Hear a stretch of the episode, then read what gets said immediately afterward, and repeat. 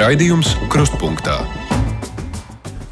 Mēs tiekamies ikdienas raidījumā divas puslodes, kas ir veltītas starptautiskajām aktualitātēm. Edvards Liniņš un Aits Tamsons sakiem, labdien! Mēs šodien mazāk pieminēsim aktuālo karstajos punktos, bet uzmanību gribam pievērst tematiem, kuriem nu, karu dēļ pietrūks laika analīzē, bet nu, šķiet tā ir nepieciešama. Tā piemēram, labējo populistu uzvara vēlēšanās gan Argentīnā, gan Nīderlandē. Argentīnā ir ievēlēts jauns prezidents, savukārt Nīderlandē pagājušajā nedēļā notika parlamenta vēlēšanas. Abās valstīs elektorāta atbalstu baudījuši tie kandidāti, kas uz grūtiem jautājumiem mēdz dot itin vienkāršas atbildes. Spānijā savukārt gan turpina valdīt sociālisti, taču līdzinājais premjeras vairākumi nodrošinājis pateicoties arī katalāņu atbalstam, jo savulaik notiesātos separātistus apsolījis amnestēt. Tas atkal ir pievērsts uzmanību Katalonijas centieniem iegūt neatkarību no Spānijas. Bet mūs pašus vistiešāk skar notiekošais uz Ukrainas un Polijas robežas, kur poļi bloķē Ukraiņu kravas. Arī šajā gadījumā daudzi cer uz valdības maiņu Polijā, kas varētu palīdzēt risināt šādus izaicinājumus. Par notiekošo Polijā tad nu uzreiz tagad. Pie Polijas un Ukrainas robežu šķērsošanas punktiem izveidojušās desmitiem kilometru garas smagu automašīnu rindas.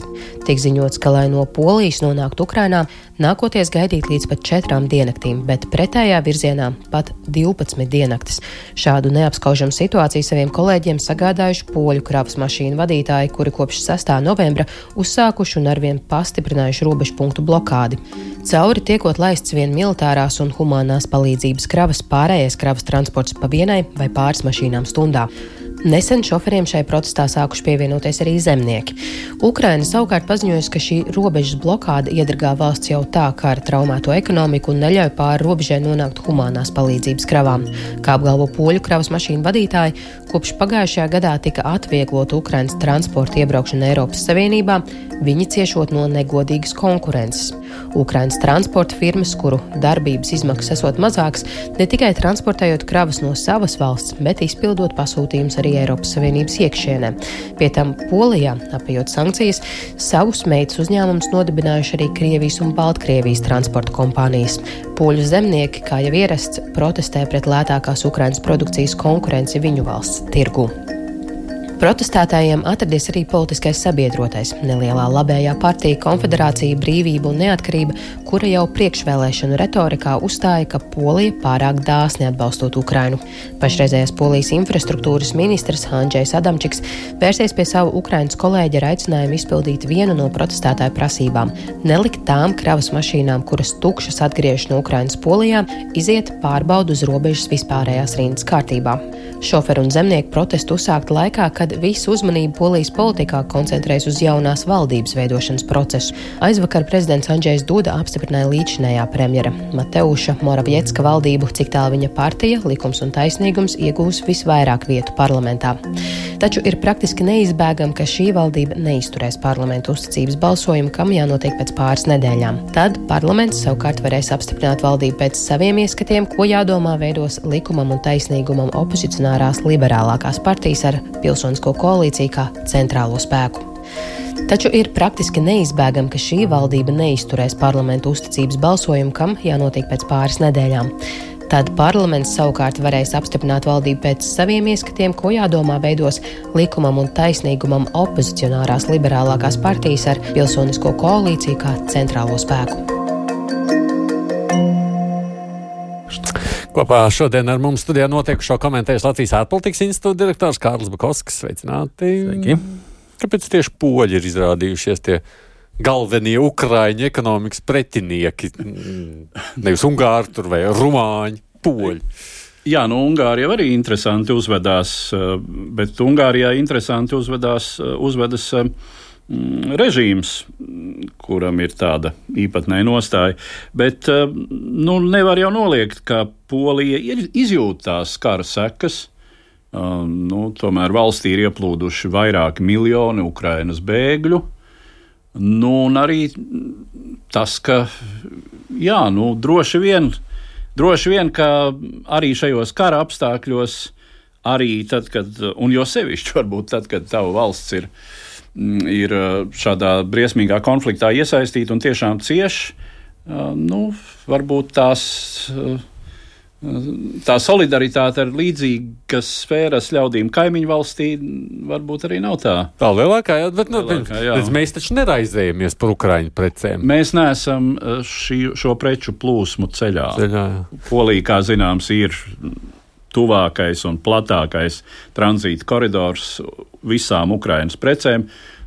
Tagad, kad ir joprojām bloķēta Melnā jūra un attiecīgais ūdensceļš, nu visi pārējie ceļi, kas ir caur uh, Rumāniju, vai caur Ungāriju, vai tie ir daudz mazāki, tur to robežu ķērsošanas punktu mazāk, nu, respektīvi. Nu, jā.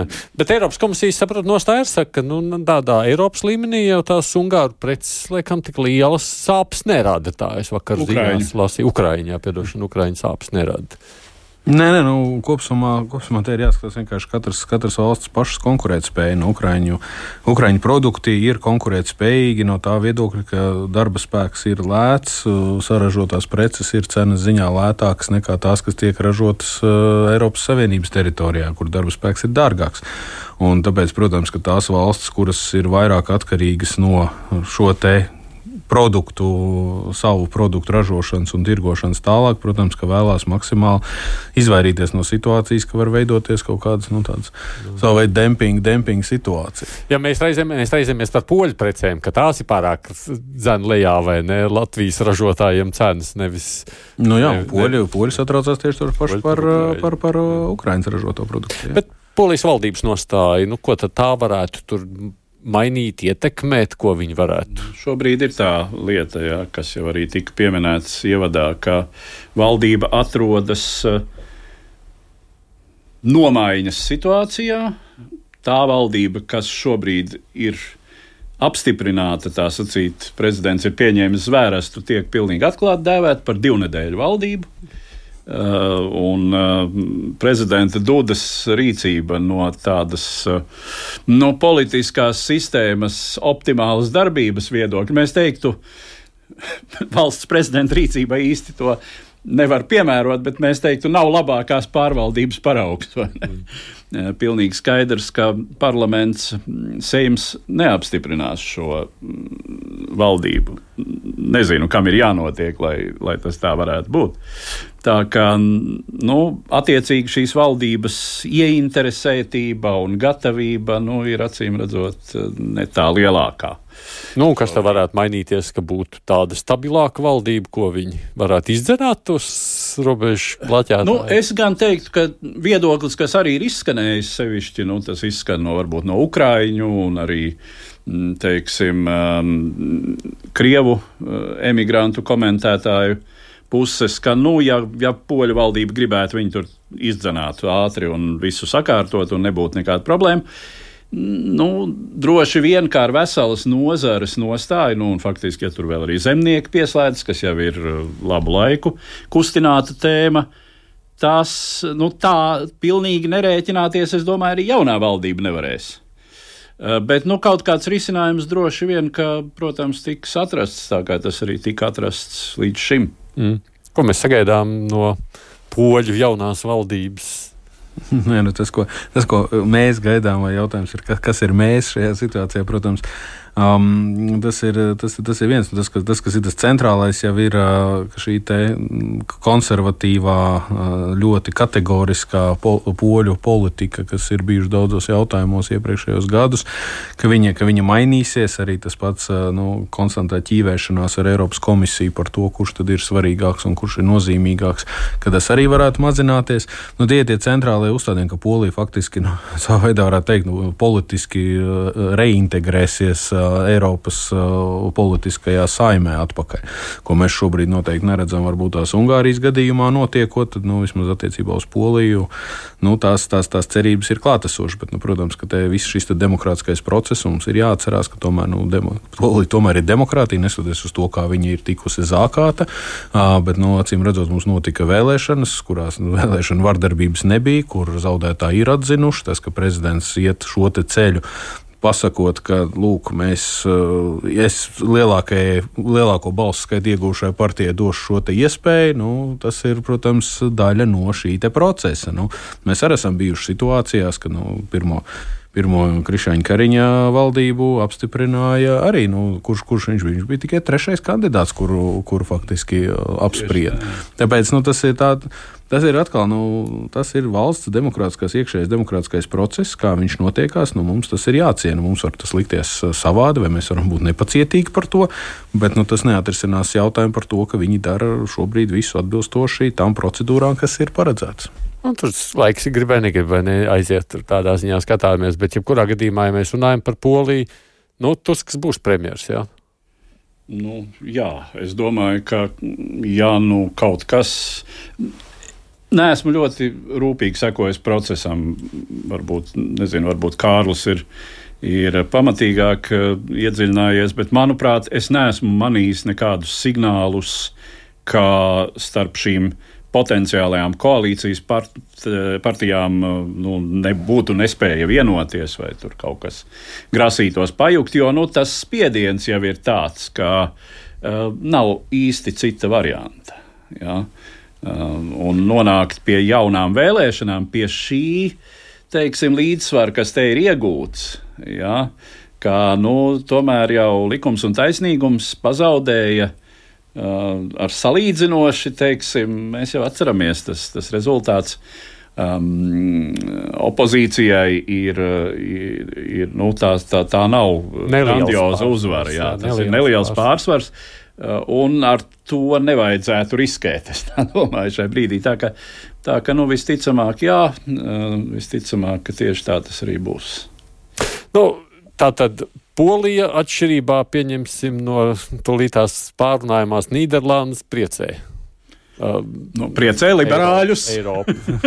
priecē, priecē liberāļus, priecē uh, tos, kas ir, ties, pro, pro-eiropeiski noskaņot, kas ir nu, teiksim, tā, federālistiskāk noskaņot. Jo nav jau tā, ka likums un taisnīgums bija eiroskeptiķi. Nu, tā nu būtu nebija. Viņu vienkārši tas, ka viņu, viņu izpratnē Eiropas Savienībai tomēr ir jābūt dalību valstu primārā pārvaldē, nevis Eiropas komisijas teikšanā. Nu, federāli domājošie, kā šī gadījumā arī Tusks, ir nu, tomēr par to, ka Eiropas komisijai, tām kopējām institūcijām ir jābūt tām, kas dalību valstīm rāda to ceļu, un, un, un, un primāri ir tās, kas ir politisko procesu virzītājs spēks attiecībā uz tiem jautājumiem, kas viņām jau ir, un varbūt, ka ir jādod vēl jautājumi. Tur ir tā fundamentālā ideoloģiska atšķirība, kas Eiropas Savienībā ir pastāvējusi kopš pašas izveidošanas. Ir tā saucamie federālisti, kas ir par šo te vairāk šo te pārnacionālo institūciju lomu, un tad ir intergovernmentālisti, starpvaldību pieejas piekritēji, kas atkal ir par to, ka nē, ka valdībām tomēr ir un dalību valstīm tomēr ir jābūt tām centrālajām, un institūcijas ir domātas tikai tam, lai pastiprinātu dalību valstu lēmumus un vēlmes. Un tas šī, šo divu ideoloģiju balanss Eiropas Savienības institūcijās, ja mēs varam iet pa katru atsevišķu institūciju runāt, tad jūs redzēsiet, ka tur ir ļoti smalki viņš ir saglabājies. Ir Eiropas parlaments, kurā ir faktiski no nacionālajām valstīm ievēlēti, bet viņiem ir jāstrādā visas Eiropas Savienības interesēs. Ir Eiropas komisija, kurā attiecīgi ir jāstrādā visas Eiropas Savienības interesēs. Un tad ir Eiropas padoma, kurai ir vis, faktiski ir visspēcīgākā lēmuma pieņēmēja organizācija, Eiropas Savienības padoma. Un, un, un tajā, tajā jau ir attiecīgi pārstāvēt nozaru ministri vai Eiropadomē ir valdību galvas pārstāvēt, un tiem, protams, ir lielais, lielie politiskie uzstādījumi jā, jāsniedz, un attiecīgi ministriem ir daudz vairāk tiesību, kaut arī pašā ārpolitikā. Nu, ārpolitikas jautājumi vēl joprojām ir ministru ziņā pāraudzībā Eiropas parlamentam, tur ir maz teikšana, Eiropas komisija arī relatīvi maz. Nu, Nīderlandes vēlētājiem droši vien šie jautājumi nešķiet aktuālākie. Es biju sarežģīti izskaidroju, es saprotu. es, es domāju, ka mūsu auditorija ir spējīga uztvert. Bet par to, ko tad uztvēra Nīderlandes vēlētāji, un ne tikai Nīderlandes, atsakot par vēl kādām vēlēšanām, kas šajās dienās ir bijušas, turpinām. Vēlēšanu rezultāti divās valstīs, divās planētas puslodēs pēdējās nedēļās apliecinājuši labējā populismu potenciālu šī brīža pasaulē. Runa ir par ekonomistu un publicista Javiera Gerardo Mileju uzvaru Argentīnas prezidenta vēlēšanu otrajā kārtā un Gērta Vildersa vadītās partijas brīvībai izcilē rezultāti Nīderlandes parlamenta pārstāvju palātas vēlēšanās. Javieris Milejs pārstāv politisko partiju aliansi La Libertad Avanza, kuras nosaukumu latviski varētu tulkot kā brīvība iet uz priekšu, brīvība attīstās vai tam līdzīgi. Tās kodola veido Milai piekritēja 2018. gadā dibinātā Libertariāņu partija un Demokrātiskā partija, kur pārstāv otrā alianses pamanāmākā figūra - juriste un politiķe Viktorija Viljaruela. Vēlēšana uzvarētāja politiskais triumfs noticis uz ilgstošās ekonomiskās un finanšu krīzes fona, kura Argentīnu moka jau kopš 2018. gada. Līdzinējā prezidenta Alberto Fernandensa valdībai gan izdevās panākt zināmu ekonomikas atlapšanu, taču inflācijas rādītāji turpina kāpt, novembrī sasniedzot jaunu rekordu 140%.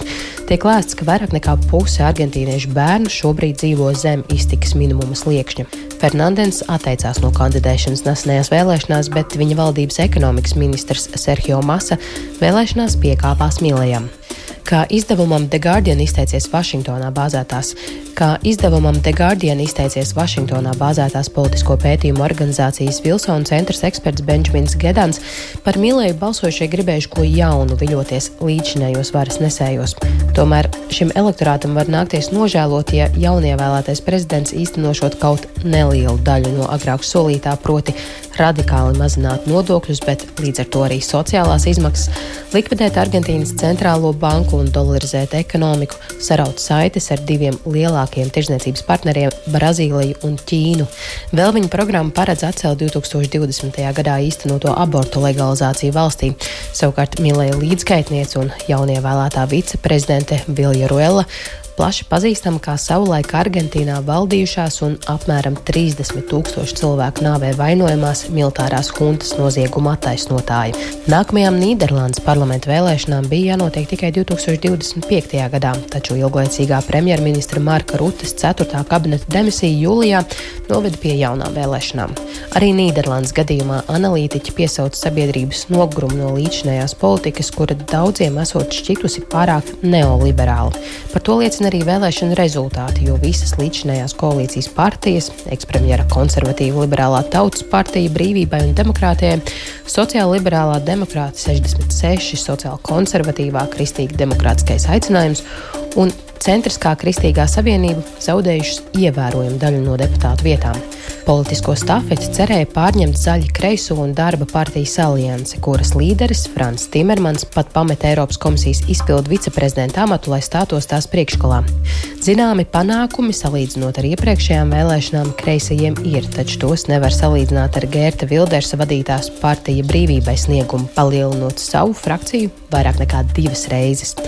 Taču 37 vietas ieguvušiem labējiem populistiem vienalga jālūkojas pēc koalīcijas partneriem, kas nebūs vienkārši, ievērojot, ka Vilders ir iedibinājis sev pārliecināta eiroskeptiķa, migrācijas pretinieku un islāmticīgo gānītāja reputāciju. Divas puslodes. Nu, re, divas vēlēšanas, interesanti vēlēšana rezultāti. Tie ir salīdzināmi. Nu, Protams, var no tiem spriest par kaut kādām tendencēm pasaulē. Mēs nu pat runājām par Poliju, kur mēs redzam nu, ja? pretējo tendenci. Jā. Uh, mēs redzam Slovākiju, kur jā, varbūt šāda tendence ir, bet droši vien uh, runāsim arī par Spāniju gal galā. Uh, nav tādas tendences, droši vien, manuprāt, kas liktu runāt par labējo, galēji konservatīvo vai par populistu uzvaras gājienu pasaulē. Uh, varbūt vienīgi nu, teiksim, tā izvēle, uh, kad um, politiskais svārsts sveras pretē, uz pretējo politiskā spektra pusi, nu, tas aizskrien uh, tālāk, uh, radikālajā virzienā, nekā tas varbūt ir bijis uh, pirms desmit vai divdesmit gadiem. Uh, nu, mēs atceramies šo svārstīšanos, piemēram, nu, kas faktiski vēl joprojām zināmā mērā saglabājas tādā Zviedrijā, ja, kur ir vai nu sociāldemokrāti vai moderāti. Uh, un, uh, nu, bet arī tur jau teiksim, tas trešais spēks, uh, šie zviedru nacionālisti, uh, kļūst ar vien pamanāmāki. Uh, jā. uh, Vācija Uh, joprojām saglabā šo pamatā. Jā, tā tad vainu, vainu, nu tur ir tas spektrs varbūt mazliet plašāks. Zaļie vēl? Jā, tur ir vēl zaļie, tur ir vēl uh, tātad šī uh, brīvo demokrātu partija, tātad liberāļi, nu un tad ir spektra paši, paši gali. Nu, arī teiksim, par Vāciju mums nenākas domāt, ka tas svārsts varētu aizskriet kaut kur tik tālu, ka būtu uh, izšķiršanās, ka ir jāņem valdībā uh, Uh, ir jāņem valdībā teiksim, alternatīva Vācijai vai, vai gluži pretēji tur galēji kreisie, jā, dilinke. Nu, tā kā. Uh, Nu, labi, Bet, nu, šajos gadījumos mēs redzam, jā. šāda situācija. Nu, Nīderlanda, kas ir nu, lielā mērā mums, es domāju, latviešiem vēl joprojām priekšstatā kā tāda ultraliberāla valsts, kur atļauts tur pirmie narkotikas, pirmie tur šo un vēl visu kaut ko. Un te lūk, tieši Vilders kāpēc tur? Vilders jau ir uh, visnotaļ liberāli domājošs. Tur ir, tur ir jautājumi, kuros viņš ir uh, neliberāls, un ir jautājumi, kuros viņš ir absolūti liberālāks nekā pat uh, politkorektā uh, sabiedrības daļa ir pieradusi uh, dzirdēt un, un, un, un, un pieņemt politiķu daļu. Es domāju, ka pirmkārt jāsāk ar to, ka absolūti Nīderlandes un Argentīnas gadījumi ir abi jāapskata atsevišķi, tāpēc viņi katrs ir unikāli, katrs savā pasaules, pasaules galā un ar, ar lielām īpatnībām, jo Vilders noteikti nav Milei un Milei nav Vilders. Tas ar to ir jāsāk un tas ir, tas ir jāņem vērā. Tad sāksim ar Nīderlandi. Tas, ka viņi, tas, ka viņi abi divi ir populisti, um, jā, viņi ir populisti. Un uh, populists ir arī Makrons. Un populists ir, uh, es, es atļaušos pateikt, visas partijas, kas Latvijā ir bijušas kopš 90. gada sākuma, ir bijušas populisti. Tā ir, mēs, mēs vārdu populisms piemērojam kā, kā, kā savu veidu palamu vai, vai lamu vārdu, lai apzīmētu tās partijas, kas varbūt tās ir apelē pie plašākām sabiedrības masām. Bet tas ir katras partijas uzdevums maksimāli vairāk savākt sev vēlētājus. Viņas kādreiz tiek lietots termins, tas catch all, kas ir noķert visus. Respektīvi, nu, partija tad attiecīgi runā ar pilnīgi visiem, pilnīgi jebko. Nu, Trumps bija lielisks piemērs. Viņš pamanījās vienu, par vienu un to pašu jautājumu, pateikt pilnīgi divas pretējas pozīcijas, un tā pašā laikā uzrunāt un tādā veidā gūt sev atbalstu abās divās grupās. Nu, viņš pasaka, vienai grupai pasaka, ka mums ir jāiet uz priekšu, internetizācijai jānotiek, citai grupai viņš pasaka, ka nu, nē, to internetu tomēr nu, tur ir jā, jā, jāuzmanās, viņš tomēr jāpaskatās, vai mēs varam tomēr tik brīvi to visu lietot. Abas divas grupas pēc tam par viņu balso. Un te ir tas stāsts par to, ka tas, tas, ko mēs patiesībā ilgojamies, ir tie, kas izmanto šo populisma um, metodoloģiju sabiedrības uzrunāšanā. Vai viņi ir tie, kas padara sabiedrību labāku vai padara sabiedrību sliktāku? Vai viņi padara mūsu dzīvi labāku, vai viņi padara mūsu dzīvi sliktāku. Respektīvi, labie populisti un sliktie populisti. Bet populisti ir visi. Respektīvi, labā partija, sliktā partija. Tur vairs nav. Tāpēc līdz ar to es to pat. Tāpēc termins demagogi ir tie, kas parasti tiek attiecināts uz, uz kas sola lietas, kas nu, tur nav reāli, tur pat loģikas nav. Nu, kas sola to, ka mēs samazināsim nodokļus un palielināsim valsts atbalstu. Nu, tad par kādu naudu, ja nodokļu naudas nebūs, tad par kādu naudu valsts sniegs vairāk pakalpojumus. Nu, nebūs tā. Tas vienkārši ir neiespējami, neloģiski. Bet ir tādi, kas šo te attiecīgi demagoģiski sola. Tieši tas pats ir par daudziem citiem jautājumiem. Un, ja mēs paskatāmies uz to Wilders, tad tas stāsts ir pat arī Rīgas Treniņu universitātē ar kolēģiem arī šo jautājumu aprunājos, un tur, tur bija diezgan interesanti skatījumi par to, kāpēc šis ksenofobiskais skatījums ir ieguvis vai atguvis savā veidā pat kaut kur savu otru elpu. Jo te ir stāsts par to, ka nu, profesors Kreitus, piemēram, nu, viņa skatījums par to, ka ka neapmierinātība ir kļuvusi par tādu, ar kuru ir jārēķinās. Ka šī neapmierinātība ar imigrācijas vilni, ka mēs viņu nevaram vairs tā kā nerēķināties tikai tāpēc, ka, acīm redzot, ja Wilders nu, dažus gadus atpakaļ viņam neizdevās gūt uzvaru, mēs visi atvieglot nopūtāmies, tad tagad viņš ir gūs. Un te ir jautājums, kāpēc tas ir noticis. Un tieši tas pats, nu, doktora Dauguļa sacītais, protams, bija vēl varbūt tās dramatiskās, antropoloģiskā variantā, mēģināja izskaidrot, ka ka nu, tādās situācijās, kur ir jūtama, kā, nu, karš ir daļa no publiskās diskusijas, kā tas šobrīd ir bijis attiecībā uz Ukrajinu, kā tas šobrīd ir arī par gāzu, kur cilvēki jūt bažas. Tur ir tā tendence norobežoties un baidīties vairāk no visa citādākā un kļūt patiesībā tādiem kā naidīgākiem pret. Tas ir arī kaut kur izskaidro to, kāpēc šī konkrētā Wilders ideja ir gājusi cauri. Tas, ko es pats šajā gadījumā arī pilnīgi noteikti vēlētos piebilst, ir tas, ka nu, nu mēs nevaram nerēķināties ar to, ka tā uh, politiskā realitāte, tā sociāla, ekonomiskā realitāte, kurā šobrīd Eiropa. Un ne tikai Eiropa, arī Amerika atrodas, un daudzas attīstītās valsts atrodas, kas ir bijušas arī šo migrācijas procesu izraisītās problēmas, kas ir atsevišķi ideoloģi izraisītās. Nu, šis, šis te savā veidā Wilders ir sākums tam, ka, ko mēs redzēsim arī tālāk. Alternatīva für Deutschland, alternatīva Vācijai arī ir guvusi daudz vairāk panākumus. Tur patiesībā sāk rasties jautājumi par to, ka nu, migrācijas politika, liberāla migrācijas politika, nu, viņai vienā vai citā brīdī vajadzēja izraisīt pretreakciju. Un ka šī ir šobrīd tā pretreakcija. Tas svarīgākais ir, protams, lai šis nekļūst par rasismu un slepkavošanu un vispārējais. Bet ļoti daudz cilvēku jūtās par to, ka nu, tā liberālā imigrācijas politika ir bijusi gluži pretēji. Nu, viņi faktiski vienai grupai, kas ir imigrējošai grupai, atļauj iz, izkliegt kaujas saukļus Allahu Akbar, un tādā pašā laikā nevienu nesoda par naida, par naida runu, kas tiek kas no, no, no, atsevišķiem politiķiem vai atsevišķiem reliģiskiem līderiem, kas tiek izteikti. Tas netiek sodīts nekādā veidā. Un tādā pašā laikā citi atkal nedrīkst pat pateikt to, ka klausieties, bet tas nav labi. Es jūtos nedroši, ja cilvēki šādā veidā diskutē un piedalās sabiedriskajā, publiskajā diskusiju procesā.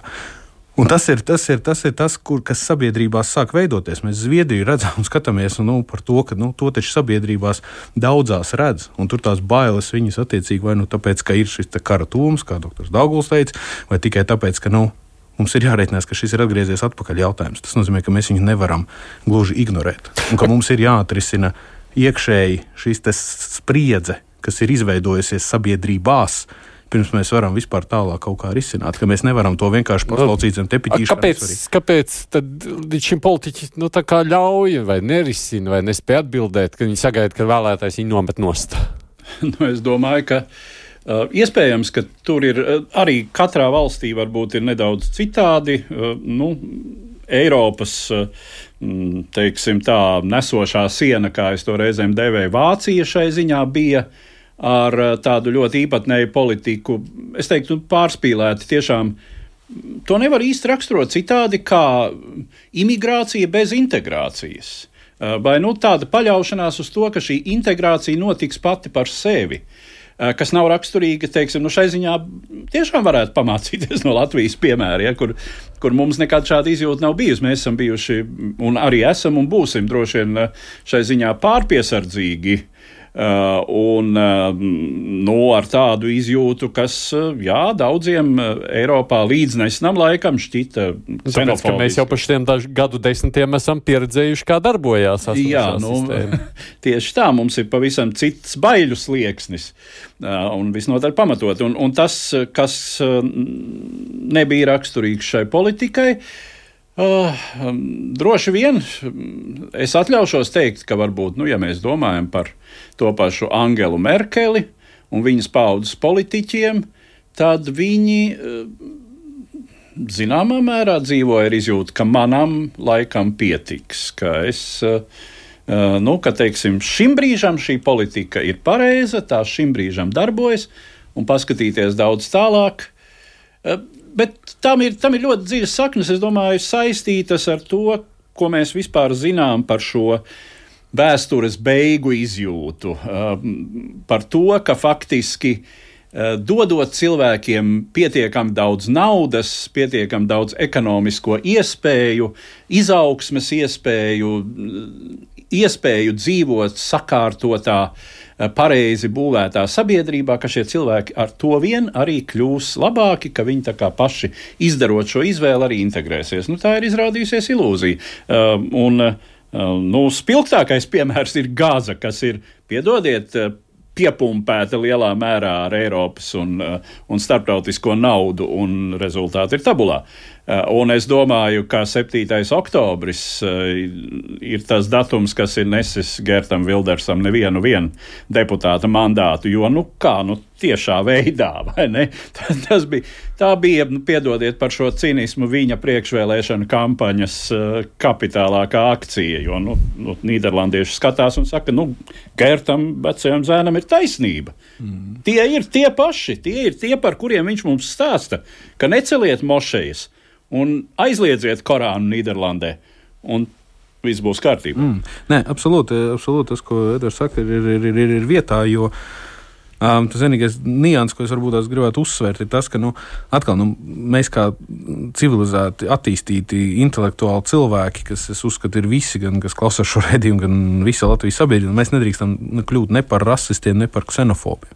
Jo tas, tas, tas jautājums jau vienmēr ir par to, ka ne jau viena etniskā vai reliģiskā grupa ir pie vainas. Nu, nevar, nevar vispārināt to tāpat, kā nevar teikt, ka nu, vienam dzimumam ir tāda loma un neko citu viņš nedrīkst darīt, un nedrīkst, un nedrīkst darīt tieši tāpat šī vispārināšana no viņas ir absolūti jāizvairās. Tāpēc, tas, kas cilvēkiem, protams, kas viņus biedē, ko viņi nesaprot, ir kāpēc daļa, un kā Nedars arī teica, imigrācija bez integrācijas, ka cilvēki iebrauc, bet ka šī sociāla ekonomiskā integrācija, pat nerunājot pat par politisko, bet elementāri par to, ka nu, darba atrašana darba, darba nodokļu maksāšana, ka kļūšana par daļu no šīs sabiedrības, jo nu, tie paši zviedri saka, ka faktiski viņi pabalstos nu, samaksā vairāk nekā ir šis imigrācija izmaksājusi, ir vairāk nekā viņi ir faktiski beigās ieguvuši. Tā doma bija otrādi, ka vairāk cilvēku, vairāk ražo, vairāk strādā, ekonomika aug, bet tas faktiski nav tā līdz galam noticis.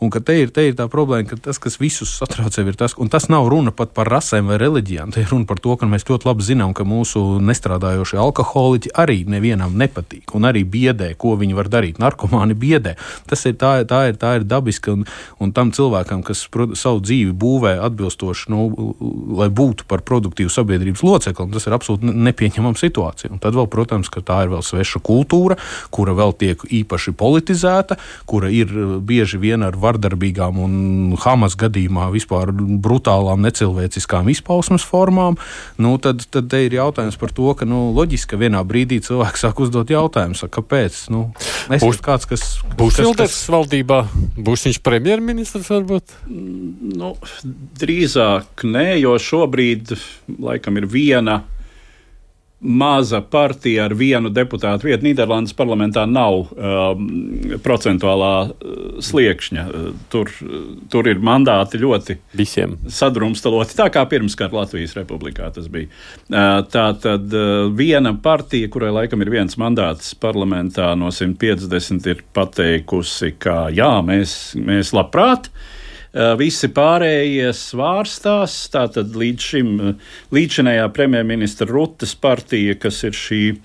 Mm, eh, garais nu, nosaukums. Nav vajadzīgs nosaukums. Tā tad, mm, kas joprojām ir ar vienu no lielākajām frakcijām, ir teikusi, ka nu varētu atbalstīt, bet nekādā ziņā neiet valdībā. Uh, bet atsevišķus lēmumus, eh, teiksim, kas sakrīt, ar kur programmas sakrīt, varētu. Nu, bet tas vispārējais viedoklis ir tāds, eh, Vildersam ir jāpasaka, ka viņš nav par Eiropas Savienības demontāžu, par ko viņš ir runājis līdz šim. Uh, un arī nu, jāatsauc droši vien daži radikālākie šie prasījumi uh, eh, islāma ticīgās kopienas virzienā, kas ir eh, jā, slēgt mošejas, aizliegt vispār Korānu eh, Nīderlandē kā tādu. Mm. Reliģija jau pat nav vainīga par atsevišķu individu ekstrēmistu uzvedību. Nu, tas būtu strīdīgs jautājums, un te es ar tevi droši vien šeit to neuzsākšu sarunu, tāpēc jautājumu, kas tur Argentīnā, kas uzrunā vēlētājs. Argentīnā, nē, no Argentīnā es uh, palasīju, palasīju Javieru Milēju, uh, viņa, viņa CV, sapratu, nu, lūk, universitātes pasniedzējs, pasniedz starptautisko politisko ekonomiku, pašam savus radio raidījumus, domāju, nu, tā, kā mani būtu ievēlējuši. Jā, un izveidojis savu publisko vizuālo tēlu, mērķtiecīgi veidojis, lai līdzinātos kaut kā, kā, kā to filmu var raksturot. Nē, šausmu filmu tā nav, tā ir tāda fantastikas fantastikas filma, kur, ir, kur darbojas. Viņš izskatās pēc kaut kāda tēla. Pēc vilkača, jā, pēc vilkača. Jā, viņš speciāli taisīs tādu vizuālo. Nu, labi, to tu netaisi. Tā tur nē, nē. labi, bet, nu, tur, respektīvi, kas ir, kas ir viņa, viņa, viņa uzvara, pat ir saudabīga ar to, ka arī, nu, protams, populistiskās metodas tiek izmantotas arī, lūk, arī vizuālā tēla veidošanā.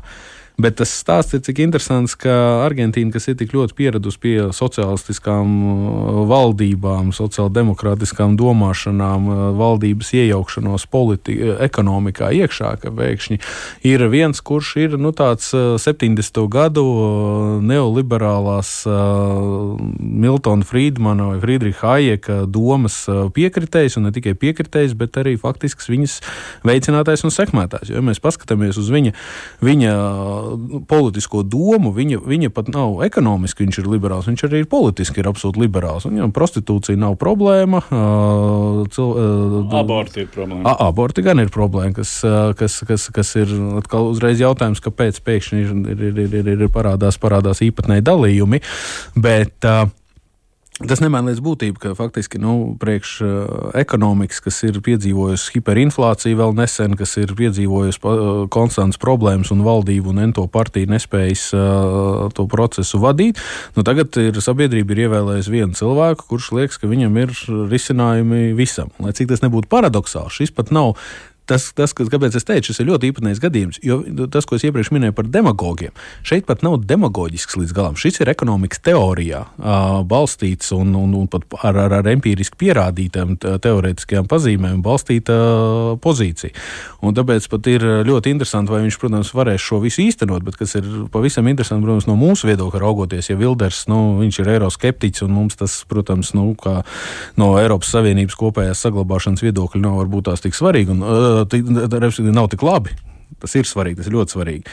Tad, nu, Milēja gadījumā viņš atkal ir par Ukrainu, viņš ir par ASV, ka viņš principā ir pro-rietumniecisks. Kas atkal nu, parādās tā kā nu, divi, tāpēc arī vilkt un automātiski līdzības teikt, te ir tikai tik daudz, cik abi divi ir izmantojuši populismu formas, bet apelējuši viņa acīm redzot ir pie pilnīgi dažādiem, uh, pilnīgi dažādām ideiskajām bāzēm. Viens nu. pie ksenofobijas, un otrs ir apelējis pie, pie, pie faktiski ekonomiskās eh, nevienlīdzības, neizdevušas ne, valdību nespējas ekonomiski nodrošināt savas sabiedrības eh, ilgspēju. Nu, tas, kas kuram ir aktuāli, protams, tajā brīdī, vai Pēc... ne? Ko tu sacīsi par? Nu, man nav īsti Argentīnu. daudz ko piebilst, ka tiešām nu, Milējs piedāvā Argentīnai šoka terapiju uh, lielā mērā. Uh, un uh, tas var tiešām šķist pārsteidzoši, ka sabiedrībā, kurā uh, šis nabadzības līmenis ir augsts, pie tam tas tiešām nav bijis tik augsts vienmēr. Tur ir šis kāpums pēdējos, um, nu, sevišķi pēdējos piecus gadus. Kā zināms, bija pandēmija, nu, tā, protams, bija nelaime, kas skāra pilnīgi visu pasauli. Uh, Uh, arī Argentīnas gadījumā bija neražas gads. Argentīna joprojām ir salīdzinoši liela lauksaimniecības produkcijas eksportētāja. Uh, līdz ar to tas bija vēl viens papildu trieciens uh, ekonomikai. Un, Šādā situācijā cilvēks nāk ar programmu, ka ekonomikas uh, aktivizēšanai mēs radikāli mazināsim nodokļus, bet līdz ar to piedodiet, jostas būs vēl vairāk. Viņš īstenos to. Uh, tas, kas tiek minēts, ka viņš pagaidām ir ar samērā nelielu parlamentu atbalstu. Un, uh, tomēr, jā, Brazīlija ir uh, prezidentāla parlamentāra valsts, bet uh, bez pilnīgi, bez, nu, vai ļoti nelielu parlamentu frakciju, un pārējais parlaments ir uh, tagad, nu, teiksim, viņa, viņa opozicionā, viņam opozicionāru spēku pamatā, mm, būs grūti. Būs grūti. Diezin vai viņš eh, tā ļoti ātri un veikli varēs, varēs iedarbināt visus, nu, teiksim, lai likvidētu valsts banku, ja, kas ir viens no viņa radikālākajiem priekšlikumiem. Un, uh, Mm, vienkārši ieviest dolāru. Jā, un ieviest dolāru kā, mm, es nezinu, vai, vai kā vienīgo, šķiet, ka ne kā vienīgo maksāšanas līdzekli, bet kā paralēli maksāšanas līdzekli. Tur Melnkalna kas gaida tiek lietot. Nu, labi, jā, vai ne? Un kas gaida, tavuprāt, tagad nākamajos gados Argentīnu?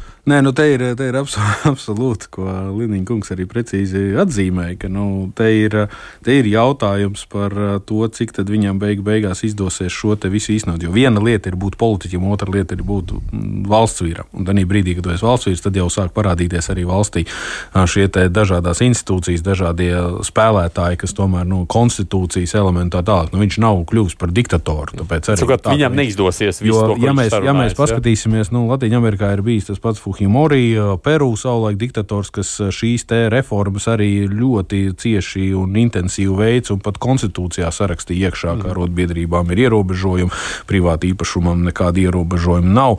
Un, un, un faktiski nu, šo neoliberālo domāšanu pat, pat, pat kodificēja un konstitucionalizēja valsts, valsts, valsts uzbūvē. Nu, protams, ka nebija tas nebija tas jaukākais režīms. Nu jā, runājot par Argentīnu, protams, ir šī pagātne ar salīdzinoši vēl nesen ilgi valdījušu huntu. Mm. Un, nu, tās ir bažas, kuras izsaka atsevišķi viņa kritiķi, kuri, kuri runā par to, ka nu, tas politiskais spēks, kuru viņš pārstāv, šī apvienība un, un sevišķi jau šī viņa sabiedrotā, otras viņa koalīcijas lielākās partijas vadītāja Vilja Rueda ir Nu, tas ir viņas jājām zirdziņš. Viņa ir tā sacīt, regulāri apmeklējusi cietumos, tur joprojām sēdošos huntas laika militāristus, drošības dienestu darbiniekus un tā tālāk. Un glaudījusi tā sacīt viņiem uh, rociņu un teikusi, ka puikas labi vien darījāt, apmēram tā, ja.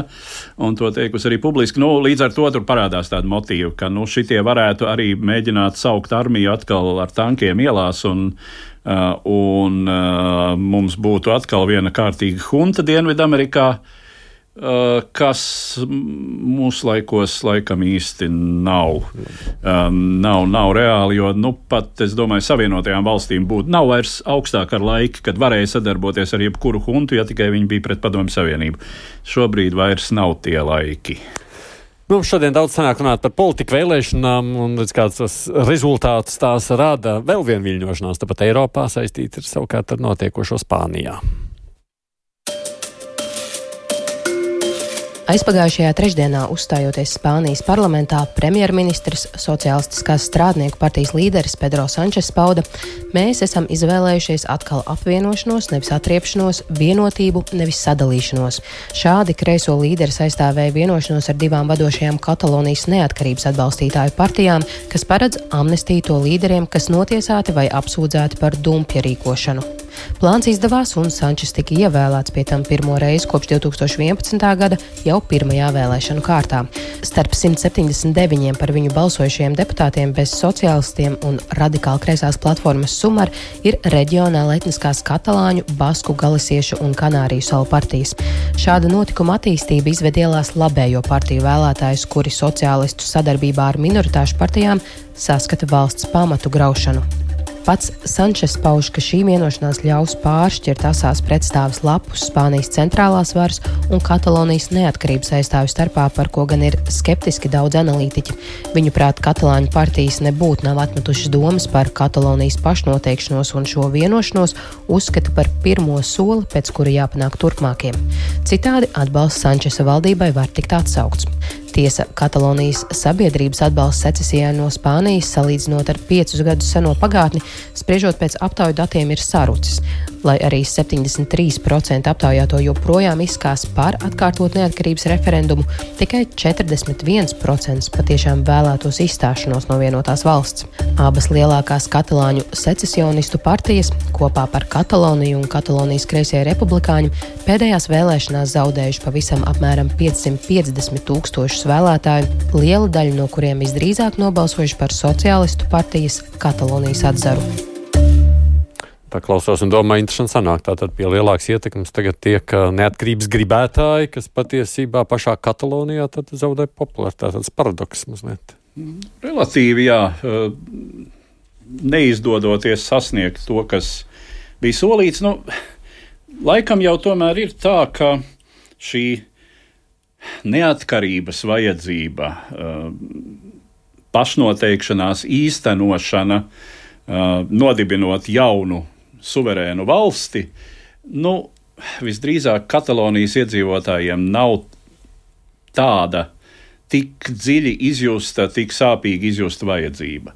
Tur ir pagātnes motīvi, kad patiešām Franko diktatūras laikā uh, Kataloņu, tā, katalāņi, tāpat kā visu pārējo Spānijas mazāko nāciju, nacionālās pašizpausmes tika slāpētas, iznīdētas un bija patiešām šis unitārisms, spāniskums, jā, spāņu nacionālisms pāri visam.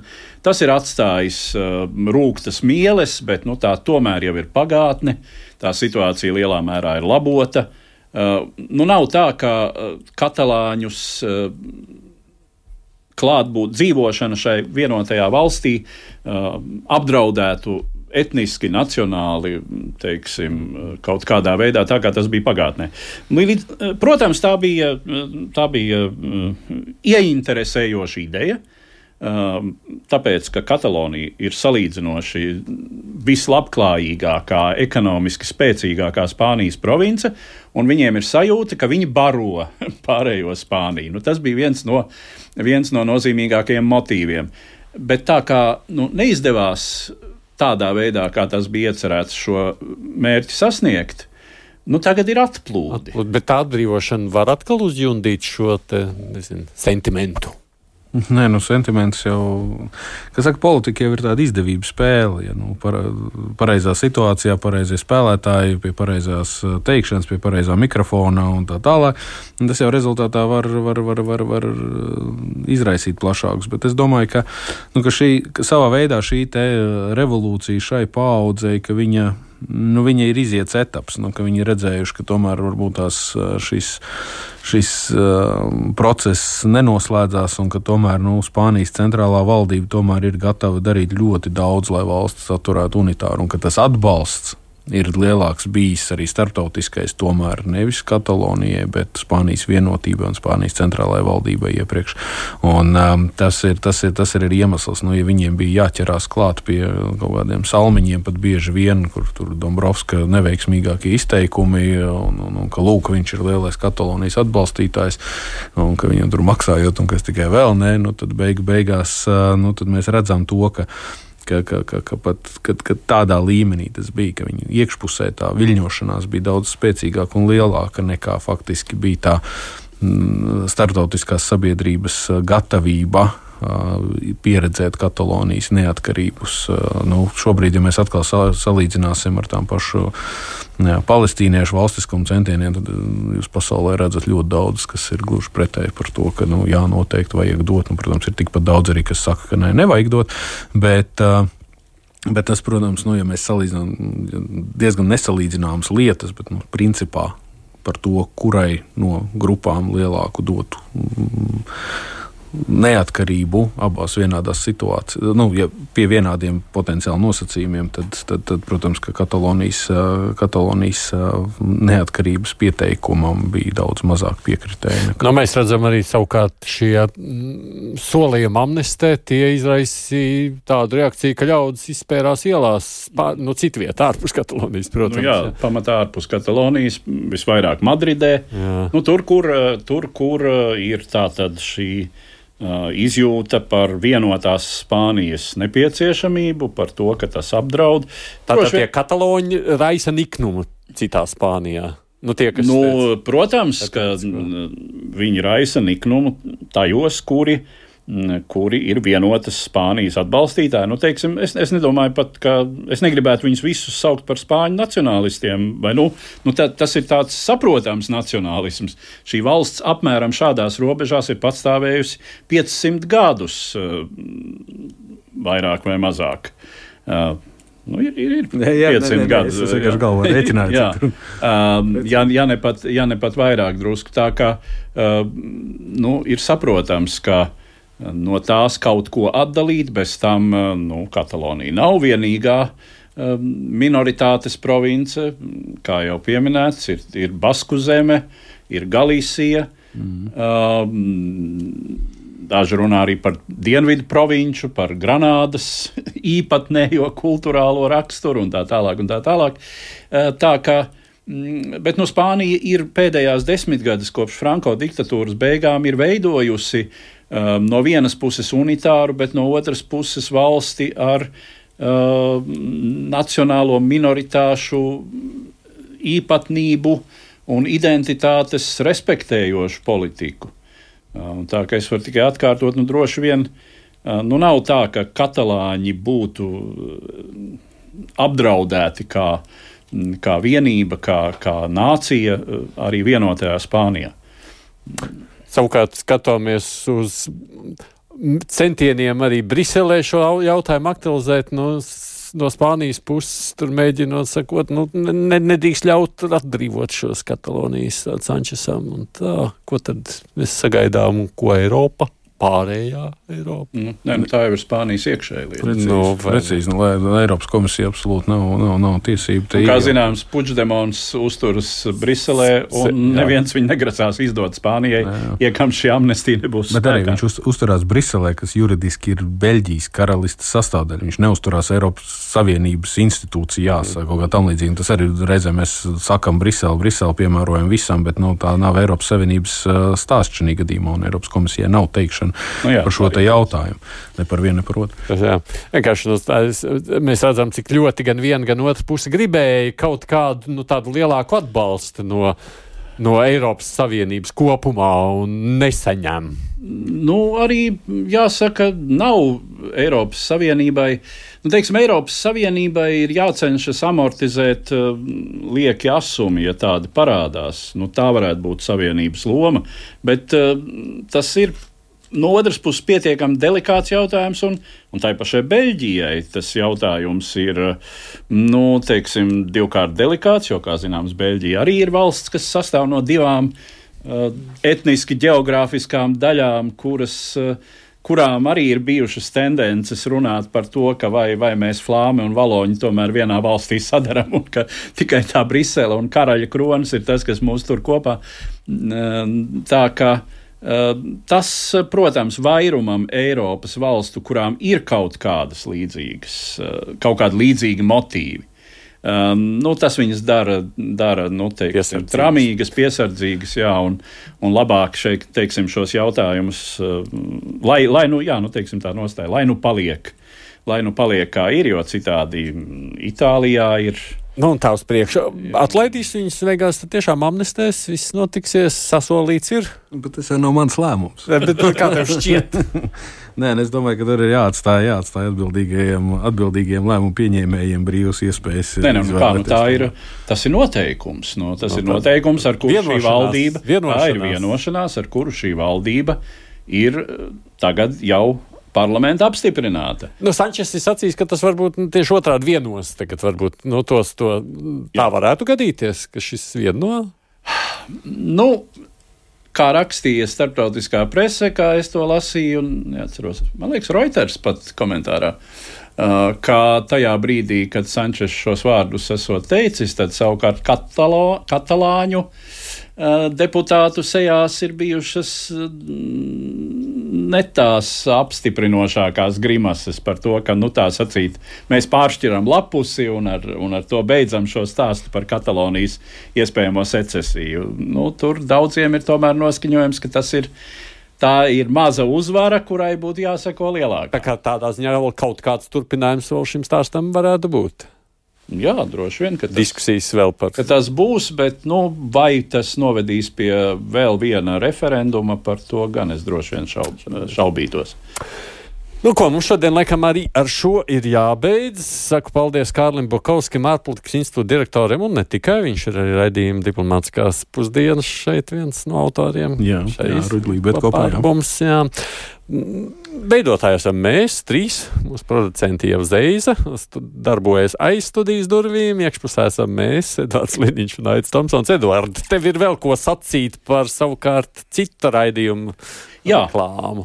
Par manu, par manu rītdienas autoraidījumu, kas skan eh, katru mēnešu pēdējā ceturtdienā pēc pulksten trījiem eh, raidījums, kas būs ar Krieviju. Un šoreiz mēs par to, kas būs ar Krieviju, runāsim ar politologu Kārli Daugštu, arī šī raidījuma divu pusložu klausītājiem pazīstamu mūsu raidījuma dalībnieku. Mēs aizrunājāmies līdz pat dziļām vēsturiski mentālām saknēm ar vēstures skatu uz nākotni. Nu tā. Jā. Šis nebūs tikai tās kā vienmēr, kā vienmēr iztirzājot versijas, kas varētu notikt ar Krieviju. Tātad klausieties šajā pašā laikā, jā, Latvijas raidījā viens ēterā rīt raidījumu šo, kas notiks ar Krieviju. Mēs savukārt tiekamies atkal nākamajā nedēļā, sekojam līdz notikumiem. Mums vienmēr raidījumā divas puslodes arī ir ko analizēt.